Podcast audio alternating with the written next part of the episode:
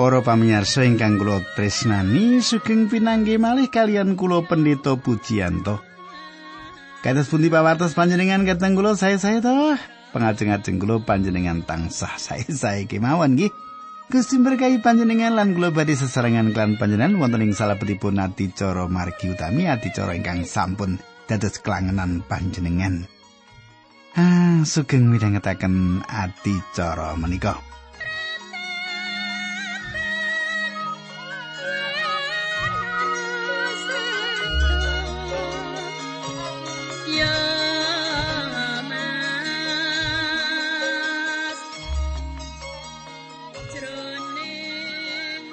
Para pamirsa ingkang kula tresnani, mbok menawi panjenengan tasih kemutan menapa ingkang kula aturaken duk nalika pepanggihan kepengker. Kita sampun nyemak bilih kebangunan rohani mulihaken karukunan lan nenangaken bangsa menika. Kebangunan rohani menika mulihaken katentreman, karukunan lan nenangaken bangsa menika. Kita badhe lajengaken lan monggo kita tumungkul kita ndedonga langkung rumiyin. Duh Kanjeng Rama ing swarga kawula ngaturaken kuing panuwun menawi kepanggih malih kalian sedherek kawula ingkang setya tuhu midhangetaken adicara menika. Kawula nyuwun Gusti berkahi lan Gusti ndadosaken adicara menika katentreman lan ugi ndadosaken para pamirsa mangertos babagan-babagan kayektosan ingkang dipun medharaken pangandikanipun Gusti menika. Kawula pasrahaken ing wanci menika pepanggihan menika wonten ing tuntunanipun Gusti Yesus ingkang dados juru wilujeng kawula. Haleluya. Amin.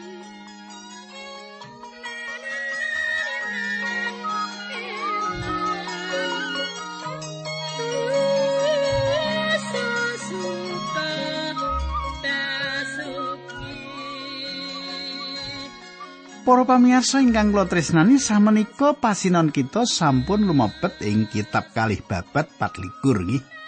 Kalih babat 24 lan kula badhe maosaken ayat setunggal kalih lan tiga rumiyin mangke dipun lajengaken. Ngaten nggih. Nalika Yoas dadi raja Yehuda yuswane pitung taun, lawase dadi raja ing Yerusalem patang puluh taun asmane ibune Sibka saka Berseba. Selawase Imam Yoyada isih sugeng Raja Yoas nindakake apa kang dadi renaning penggalihe pangeran. Yoyada milih wong wadon loro kanggo garwane Yoas lan saka garwa loro mau Yoas keparingan putra-putra kakung lan putri. Para pamirsa, ing wiwitanipun pemerintahan Raja Yoas, Imam Yoyada ingkang nuntun lan mimpin Raja Yoas. Semanten ugi nami ibunipun dipun sebataken kangge kita lan tentu ibu menika satunggalipun ibu ingkang sae. Yuas nindakaken menapa ingkang sae ing wedal dipun tuntun dening Imam Yoyada. Satunggalipun perkawis ingkang aneh ing wedal Imam Yoyada nyukani kali estri dumateng Raja Yuas. Gitu. Kok piye iki? Imam iki kok ngekeki bojo loro iki piye? Para pamirsa menapa kanthi makaten dipun anggap leres menawi gadah kali estri. Kulo jawab mboten. Patrap kados makaten menika lepat kateng kula. Perkawis menika mboten dipun serat awit Gusti Allah nyarujuki.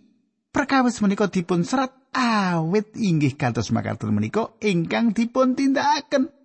Dados jujur kitab suci kita menika. Jujur mengkono kaluputan sing ditindakake dening Yoyada makaten. Selajengipun monggo kita lajengaken ayat sekawan lan gangsal.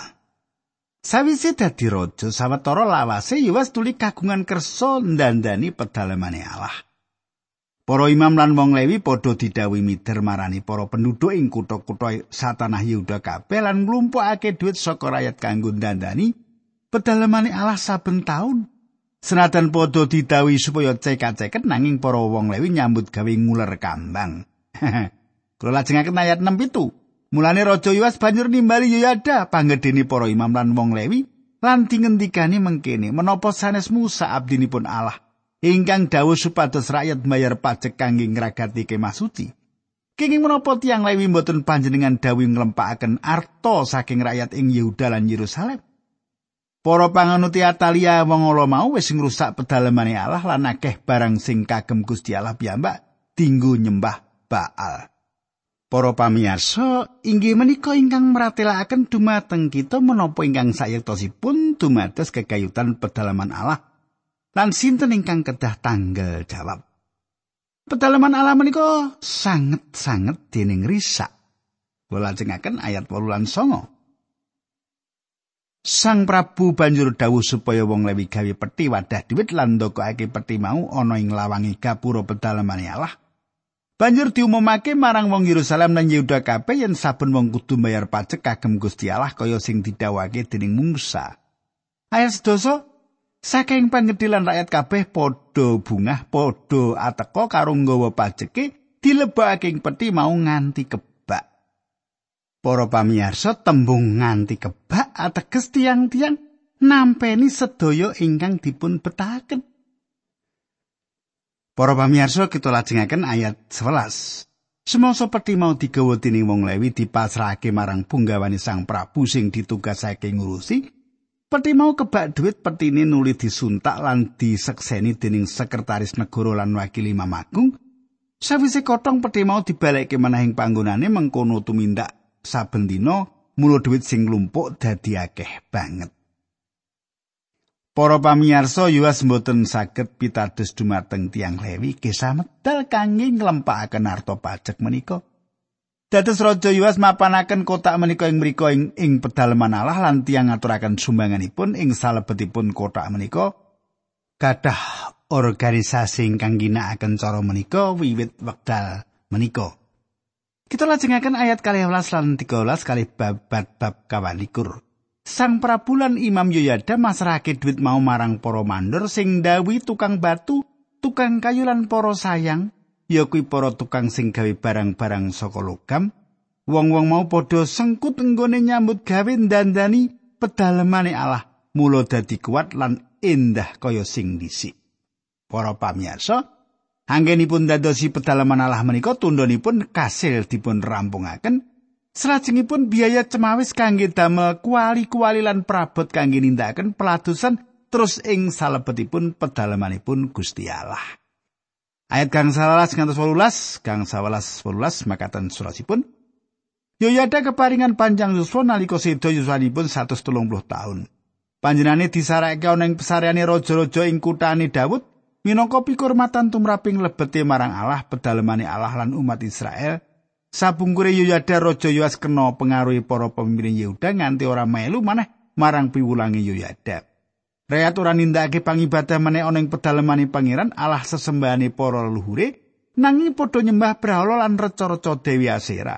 Dosa sing mengkono mau gawe dukane pangeran marang Yehuda lan Yerusalem. Para pamirsa, panjenengan semak sedangunipun Yoyada tasih gesang. Para pemimpin Yuda mboten wantun manembah brahala. Yoyada gadah daya pengaruh ingkang saestu kiat. Yuwas inggih menika satunggalipun raja ingkang tasenem. Para pemimpin menika gadah janji badhe setya dumateng piyambakipun nanging tiang-tiang kesah dateng Jawi lan wangsul manembah brahala. Ayat 19 Gusti Allah banjur ngutus para nabi ngelingake wong-wong mau supaya padha ngabekti marang pangeran nanging rakyat padha ora nggugu. Para pamirsa ing salebetipun sih kadarmanipun Gusti Allah ngutus para nabi kangge ngemutaken nanging rakyat menika mboten purun mirengaken. Dados Gusti Allah maringi dawuh lumantar satunggalipun tiang-tiang menika lari jalaripun Yoyada. Kita lajengaken nggih ayat 30 nganti selikur makaten suraosipun. Roh ngalah banjur menuhi Imam Zakaria putra Imam Agung Yoyada iku jumeneng ana ing ngarepe rakyat. Lan ngendika mengkene pangandikane Gusti Allah ya gene sira padha nerak marang pepakening Yewah. Nganti sira padha ora kadunungan kabejan. Sarene sira padha ninggal pangeran Yewah mulane panjenengane ya nilar sira. Nanging uli padha sekuton lumawan marang panjenengane lan awit saka dawe Sang Prabu banjur padha mbenturi watu panjenengane ana ing patarane pedalemane pangeran Yehuwa Para pamirsa panjenengan saged ugi gadah pikiran bilih Yoas mboten badhe nindakaken perkawis ingkang kados makaten. Nanging perkawis menika nglairaken daya pengaruh ingkang awon para pemimpin lan tumindak ingkang jemberi ingkang dipun tindakaken para pemimpinipun. Para pemimpin menika mejahi piyambakipun. Kita lajengaken ayat 22 ngantos 24. Sang Prabu Yuasora ngengeti marang kasetyane Imam Agung Yoyada kang ramane Imam Sakaria marang panjenengani. Sang Noto nyedani putrane Imam Agung Yoyada kang nalika sawek ngandikan Pangeran Yewah muga nguningono lan paring piwales. Ing taun kuwi uga nalika ganti mangsa tentara Syria ngluruk perang nyerang Yehuda lan Yerusalem, para pemimpin kabeh dipateni lan barang-barang sing dirampas digawa menyang Damsik. Ayat 24 Cacahe tentara Syria kuwi mung setitik nanging pangeran marangake tentara mau nelokake tentara Yehuda sing cacahe luwih akeh marga wong Yehuda padha nyingkur marang pangeran. alai leluhuri srana patrap mengkono Gusti Allah maringi paukuman marang raja Yoas. Para pamirsa sinaosa Yoas nate dados raja ingkang sae. Piyambakipun nyukani dawuh ngawontenaken raja pejah ingkang kejem menika. Dados Gusti Allah kedah paring paukuman dumateng piyambakipun awit piyambakipun menika raja lan awit daya pengaruhipun atas sedaya bangsa. Kita lajengaken ayat selangkung. Raja Yuas ketaton. Mongko tatune gawat banget. Sawise tentarane mungsuh teka ana pengguane Yuas loro padha sekuton, Raja Yuas disedani ing pesarean. Minangka marsake patine Sakaria putrane Imam Yoyada. Raja Yuas disareake ning kutane Daud nanging ora ana ing pasareane para raja. Para pamirsa, Imam Yoyada sampun dipun petak kanthi kebak kinurmatan Samenika Sang Hyas Raja dipun petak kebak pangino. Samenika ayat 17 ing kitab Tasir lan para raja isi cerita-cerita bab para putrane Hyas, pameca-pameca bab panjenengane lan bab enggoni dandani pedalamane Allah, Raja Hyas digenteni dening Amasia putrani. Dados kita tingali bilih Yoas ing wiwitanipun mimpin satunggalipun kebangunan rohani awit daya pengaruh Yoyada. Nanging sasampunipun Yoyada pecah Raja Yoas dawah dosa murtad. Samenika pasinon kita lumebet ing babat selangkung. Ayat setunggal kali tiga sekawan makaten surasipun. Amasia dadi raja nalika yuswane selawe taun. Lawase dadi raja ing Yerusalem songo likur taun. Asmane ibune Yoatan saka Yerusalem. Raja Amasia tumindai gawe renaning penggalialah nanging ora kelawan ikhlas ing ati. Sawise rumangsa kuat nggone dadi raja banjur ndawake paukuman pati marang para pegawi sing mateni ramani. Nanging para anake pegawi mau ora dipateni merga eling marang dawuh pangeran ing kitab Musa sing surajani aja ngukum wong tuwa merga piyala sing dilakoni dening anak-anake lan aja ngukum pati anak merga piyala sing dilakoni dening wong tuwani. Saben wong mung kena dihukum merga piyala sing dilakoni dhewe. Para pamirsa panjenengan katosaken raja Ahazia ngurmati paugeran Musa. Menika satunggalipun watonan ingkang penting. Panjenengan boten badhe nate dipun adili awit dosa-dosanipun ibu panjenengan utawi dosa-dosanipun bapak panjenengan. Panjenengan badhe nampani paukuman alasan dosa ingkang panjenengan tindakaken piyambak. Sagetuki panjenengan saged kemawon gadahi bulan bapak ingkang saestu mursid. nanging panjenengan mboten nate mlebet ing paswargan awit tiang sepuh panjenengan ingkang mursid. Panjenengan badhe mlebet kasuwargan awit panjenengan gadah iman dumateng Gusti Yesus Kristus. Menika satunggalipun watonan ingkang sae sanget ingkang dipun pratelakaken ing mriki. Ayat gangsal Raja Amasya nglumpukake wong-wong saka talar Yehuda lan talar Benyamin kabeh didhawuhi nglumpuk manut gotrae dewi-dewi. dipimpin dening kumendan pasukan ewon lan kumendan pasukan atusan Sang Prabu banjur milih wong-wong sing umure rong puluh tahun munggah sing pinter perang lan trampil migunakake tumbak lan tameng cacayana telung atus. Para pamirsa panjenengan tingali Raja Amasya siap perang. Ayat pitu wolu songo sepuluh sebelas makaten surasipun. Nanging ana nabi suwan marang Sang Prabu karo matur panjenengan sampun ngantos migunakake prajurit-prajurit Israel menika sebab pangeran boten badhe ngayomi tiang-tiang menika. Panjenengan mesti badhe dipun ulungaken dening pangeran dhateng tanganipun mengsah. Senajan to tentara panjenengan kiat lan kendel margi namung Allah piyambak ingkang kuwaos maringi menang utawi kawon. Pangandikane raja Amasya lajeng kados pundi menggah arto sloka ingkang sampun kula sukaaken dhateng tiang-tiang menika? Aturi nabi pangeran kuwaos mangsulaken dhateng panjenengan langkung saking menika Prajurit-prajurit mau banjur dibubarake dening Raja Amasya didhawuhi mulih, wong-wong mau ya banjur padha mulih nanging karo nepsu banget. Raja di kendel-kendelake banjur ngirit tentarane menyang lembah Hasin, ana ing peperangan kono balane Raja Amasya mateni prajurit Edom cacahe 10.000. Para pamirsa, Raja Amasya bangun turut menapa ingkang dipun ngendikaken abdi Allah menika dumateng piyambakipun. Raja Amasya misahaken prajurit Israel kalian prajuritipun piyambak. Prajurit Israel dipun wangsulaken dhateng Israel malih, salajengipun Gusti Allah maringi piyambakipun satunggalipun kamimpangan atas Bani Syair menika. Samenika kita lajengaken ayat 14. Sawise nelukake tentara Edom Raja Amasya kundur ngastor corco brahalane bangsa Edom ditokake ing Yehuda Raja Amasya ngobong menyan ing ngarepe reca-reca mau lan reca mau padha disembah. Kadang kula saestu ngumunaken bilih tiang menika badhe nindakaken perkawis kados makaten. Tiang menika kok nindakaken perkawis ingkang kados makaten. Nanging perkawis menika nglairaken panerak ingkang dumados sing salebetipun manah manungsa. Kok iso? Ayat kang 11 16 17.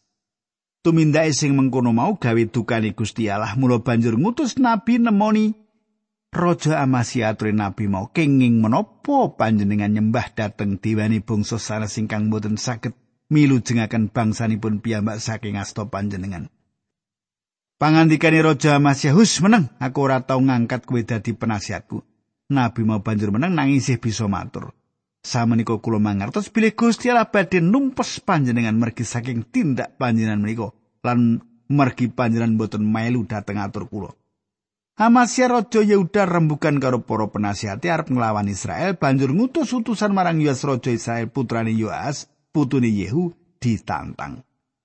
Para pamirsa panjenengan katasaken Raja Amasya nantang Israel supados perang. Yoas paring wangsulan Amasya kanthi satunggal pasemon cekak.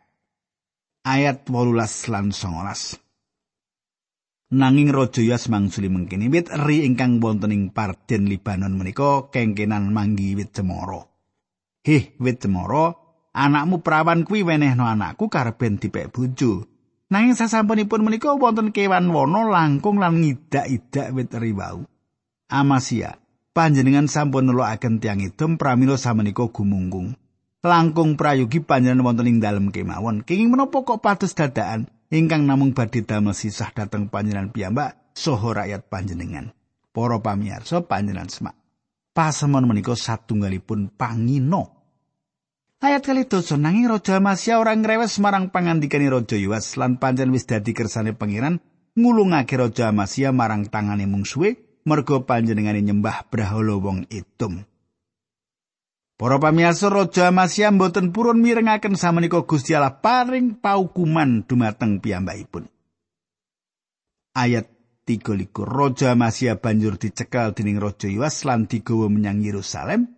Temboke kutha Yerusalem dijugrukake dening Raja Yoas dawane kira-kira 200 meter saka gapura Efraim teka gapura pojok.